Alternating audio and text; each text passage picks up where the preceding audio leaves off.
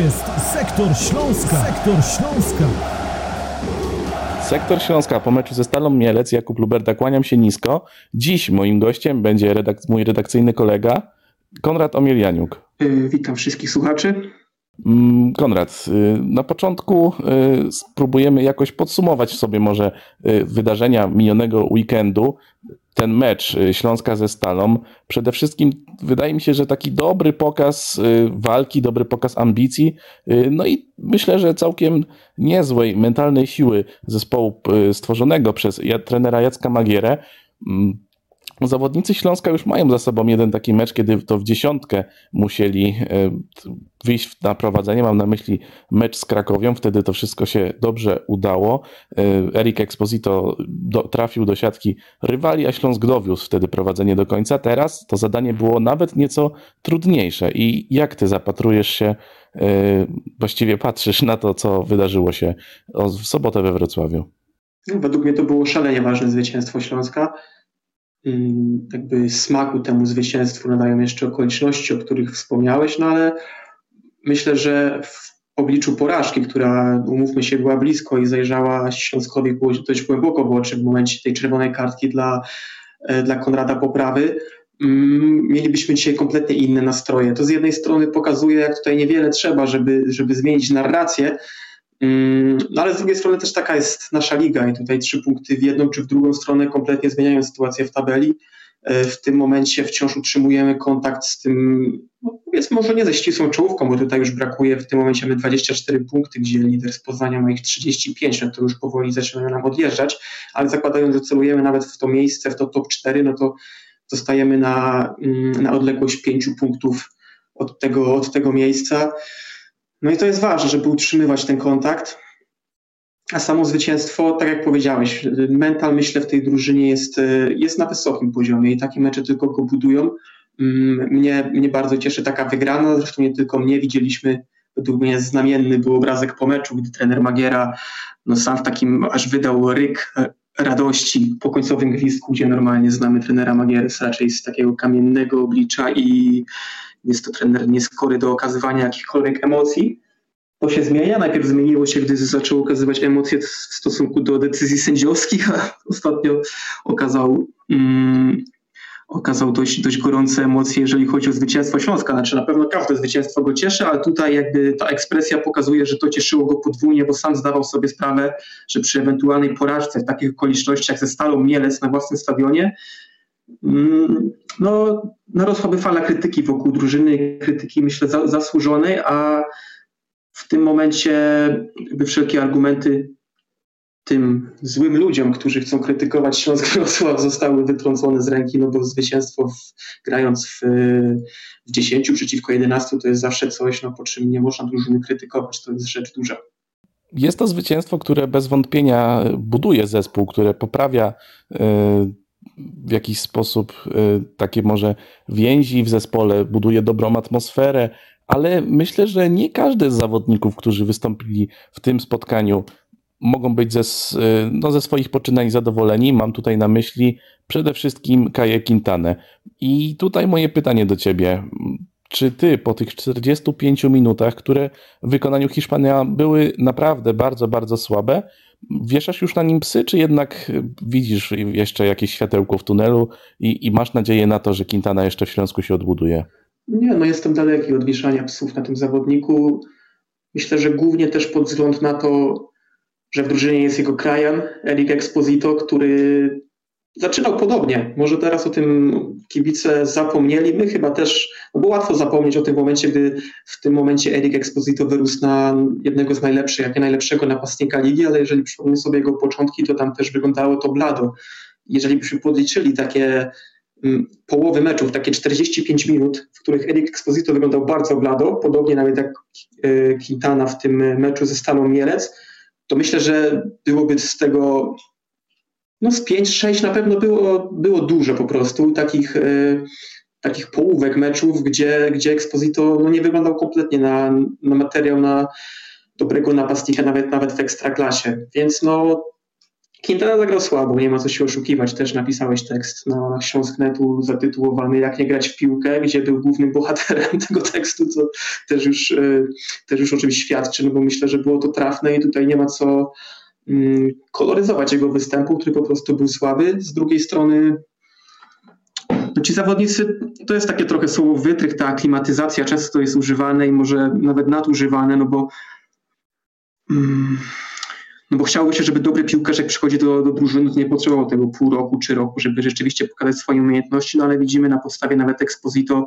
że czasem ci Hiszpanie, szczególnie grający na, na pozycji napastnika, gdzie przychodzą tak jak właśnie Exposito, tak jak teraz Quintana z drugiej ligi hiszpańskiej, gdzieś tam z tych niższych szczebli, gdzie mm, no, gra jest zupełnie inna niż w Ekstraklasie, on się musi do tego dostosować.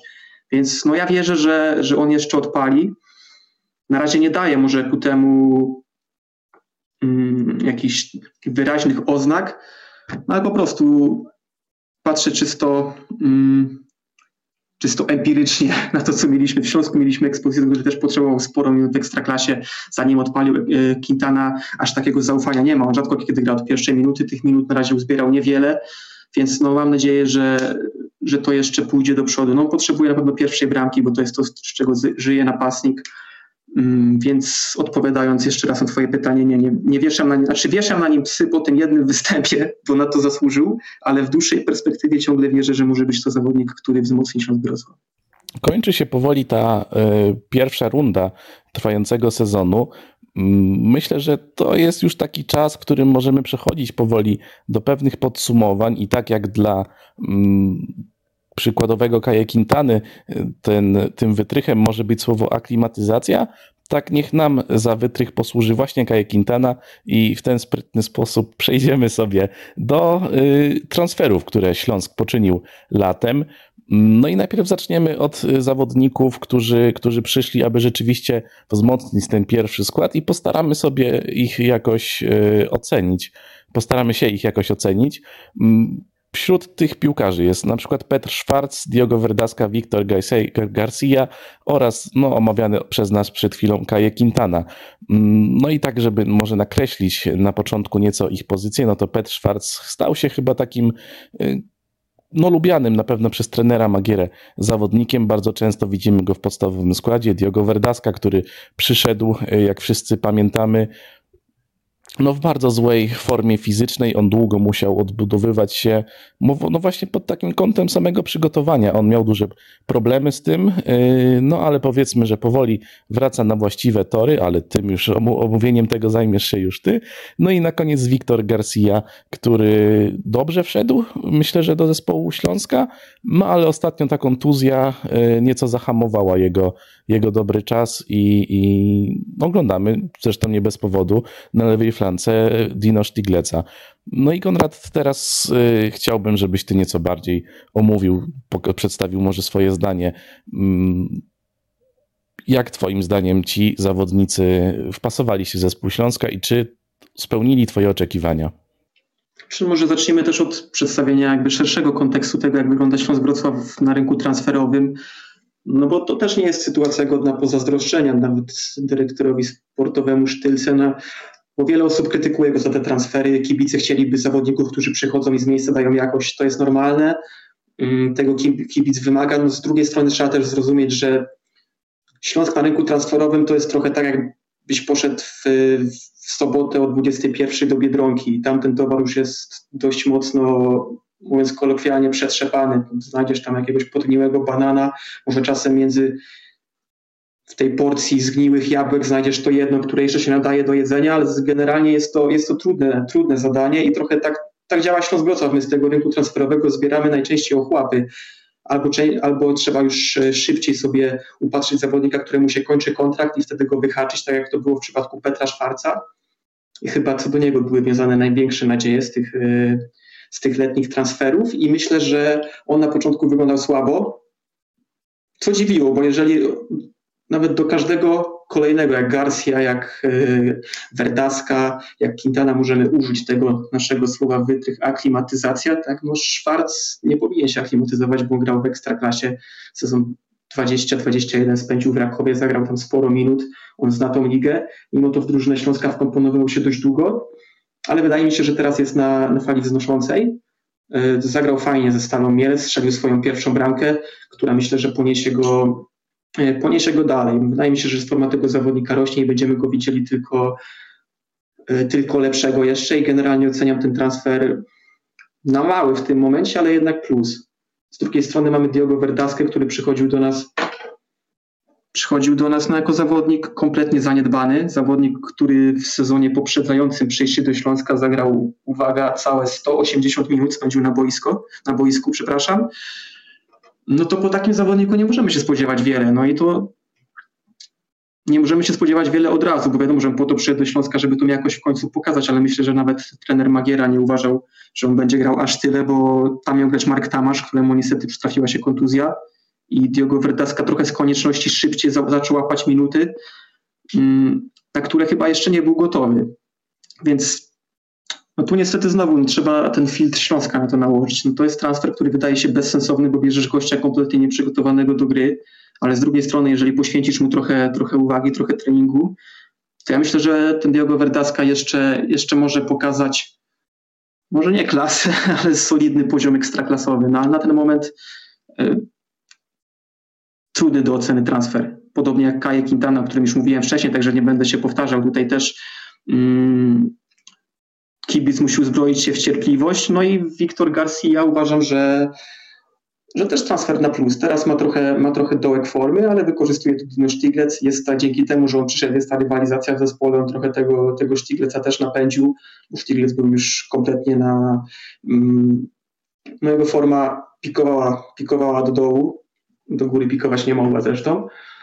Więc dobrze, że wywarł presję i teraz jest taka zdrowa rywalizacja między tymi dwoma zawodnikami. Myślę, że Wiktor Garcia to też, to też jest transfer na plus. Mm, czyli tak słowem podsumowania, ściągnęliśmy zawodników, którzy może w momencie, kiedy przychodzili do zespołu, wszyscy zdawali sobie sprawę z tego, że nie muszą od razu stanowić o jego sile, ale dobrze poprowadzeni, y, w odpowiednich rękach, dobrze sterowani przede wszystkim, y, mogą jeszcze w Śląsku troszkę namieszać, mogą przynieść nam kilka pozytywnych chwil. Zgodzisz się z takim stwierdzeniem? Znaczy, z, ból, z bólem serca, ale chyba trzeba się zgodzić myślę, że trener Magiera też nie powie tego wprost na konferencji prasowej, bo to nie brzmi dobrze, jeżeli chodzi o PR klubu, no ale on nie dostał zawodników do gry na tu i teraz poza Petrem Szwarcem i Wiktorem Garcją. Nie wiem, nie wiem, czy ty się z tym zgodzisz, no ale chyba Albo może ja za bardzo chcę ten klub usprawiedliwiać. Nie wiem, czy nie jestem tutaj zbyt, yy, zbyt pobłażliwy w tym momencie. Czy według Ciebie te transfery są, są lepsze czy gorsze niż to, jak ja to przedstawiłem? Żeby mieć jakiś kąt opinię może. Y, nie, nie, ja myślę, że się w pełni z Tobą zgadzam, y, no bo nie możemy, ciężko tutaj ukrywać, że ci zawodnicy na początku y, swojej przygody ze Śląskiem no myślę, że nie spełnili oczekiwań, jakie wobec nich pokładaliśmy, szczególnie Petr Schwarz, szczególnie Kaje Quintana. Wiktor Garcia jest zawodnikiem, który w miarę, w miarę te oczekiwania spełnił. On dobrze wszedł ten zespół. Tutaj akurat ciężko y, Hiszpanowi coś zarzucić. No a Diogo Verdaska, myślę, że, że jego case omówiłeś bardzo dogłębnie i ciężko się z tym nie zgodzić, ale poza tą czwórką w klubie pojawiło się również kilka drugoplanowych postaci, które widujemy głównie e, w gabinetach lekarskich, jak w przypadku Javiera Hejka, ale także w drugim zespole, jak chociażby Kacpra Radkowskiego. Oprócz tej dwójki pojawił się również Maksymilian Boruc, którego również możemy oglądać na drugoligowych boiskach, a także wypożyczony ze szpal, z włoskiego szpal Jakub Iskra. Mm, no i może kilka słów o tych zawodnikach, coś więcej i też, czy y, oni spełniają Twoje oczekiwania i przede wszystkim, czy Ty jakiekolwiek wobec nich oczekiwania miałeś przed, y, no w momencie ogłoszenia tych transferów? Myślę, że jako kibic i obserwator tego, co się dzieje w Śląsku, mam oczekiwania wobec każdego zawodnika, który zakłada herb Śląska, koszulkę z Śląska na piersi. Mm, tak samo były oczekiwania co do tych zawodników, może nieco mniejsze, ale też no z racji tego, że nie przychodzili jako wzmocnienie pierwszej drużyny docelowo już w tym momencie. Dlatego fajnie, że jest ta druga liga, gdzie tacy zawodnicy mogą się ogrywać i generalnie mi się takie transfery podobają. Zawodników młodych, tak jak nawet ten Chyjek, który jeszcze wiemy, że w Ekstraklasie na razie nie zadebiutuje, ale w razie czego może też wnieść jakość do tej drugiej ligi, do drużyny drugoligowej, do rezerw, a przy tym jest zawodnikiem młodym, który cały czas, czas się rozwija.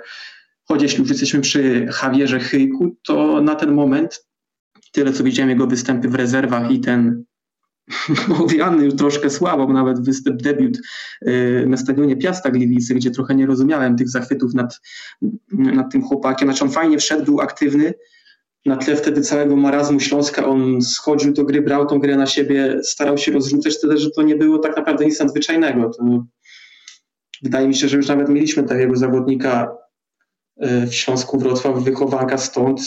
Był to Maciek Pałaszewski, widzę między tymi zawodnikami dużo podobieństw. No Maciek niestety na ten moment w Śląsku się nie przebił, gra w Górniku Polkowice też z różnym skutkiem. Mam nadzieję, że kariera Chyjka pójdzie ciut wyżej, ale na ten moment mm, szczerze mówiąc nie widzę go jako zawodnika pierwszego składu w Ekstraklasie, a to no to jest zawodnik w sumie rok starszy od Weigera, który widzimy, że radzi sobie na tym poziomie dobrze, także tutaj wiek też może nie jest aż tak wymówką, ale do tego powtórzę się fajnie, że jest ta druga liga, może on potrzebuje takiej, takiego okresu przejściowego, takiej przestrzeni, która go trochę e, pozwoli mu dojrzeć. Mm, no i skorzysta z tego umiejętnie. Podobnie Kasper Radkowski też wielokrotnie oglądaliśmy wspólnie mecze, mecze rezerw. On tam nie ustrzega się błędów linii defensywnej i na ten moment też nie zgłasza akcesu do pierwszej drużyny, gdzie rywalizacja na jego pozycji jest zacięta, no bo mamy w tym momencie na tą trójkę z tyłu, no jest dużo kandydatów do gry.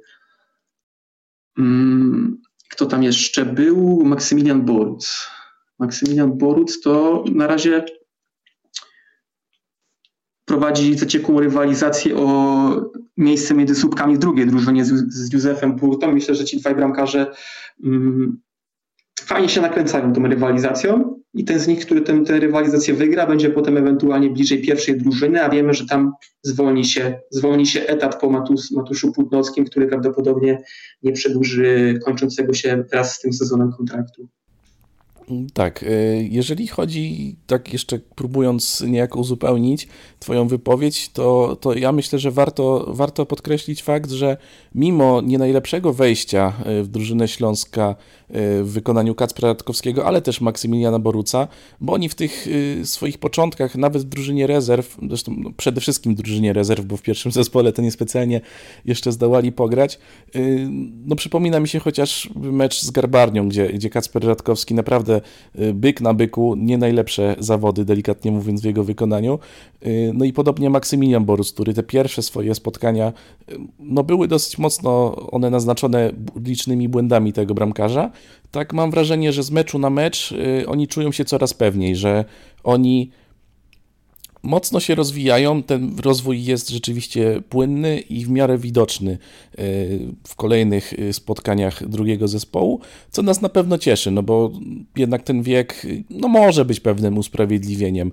Myślę, że, że, że to jest jeszcze taki wiek, w którym te błędy no prędzej czy później trzeba po prostu popełnić, żeby później wyciągnąć z nich odpowiednie wnioski i grać lepiej. No dobrze, to kończąc już y, niejako nasze wywody, moim dzisiejszym gościem był Konrad Omielianiuk. Dziękuję wszystkim słuchaczom, do usłyszenia.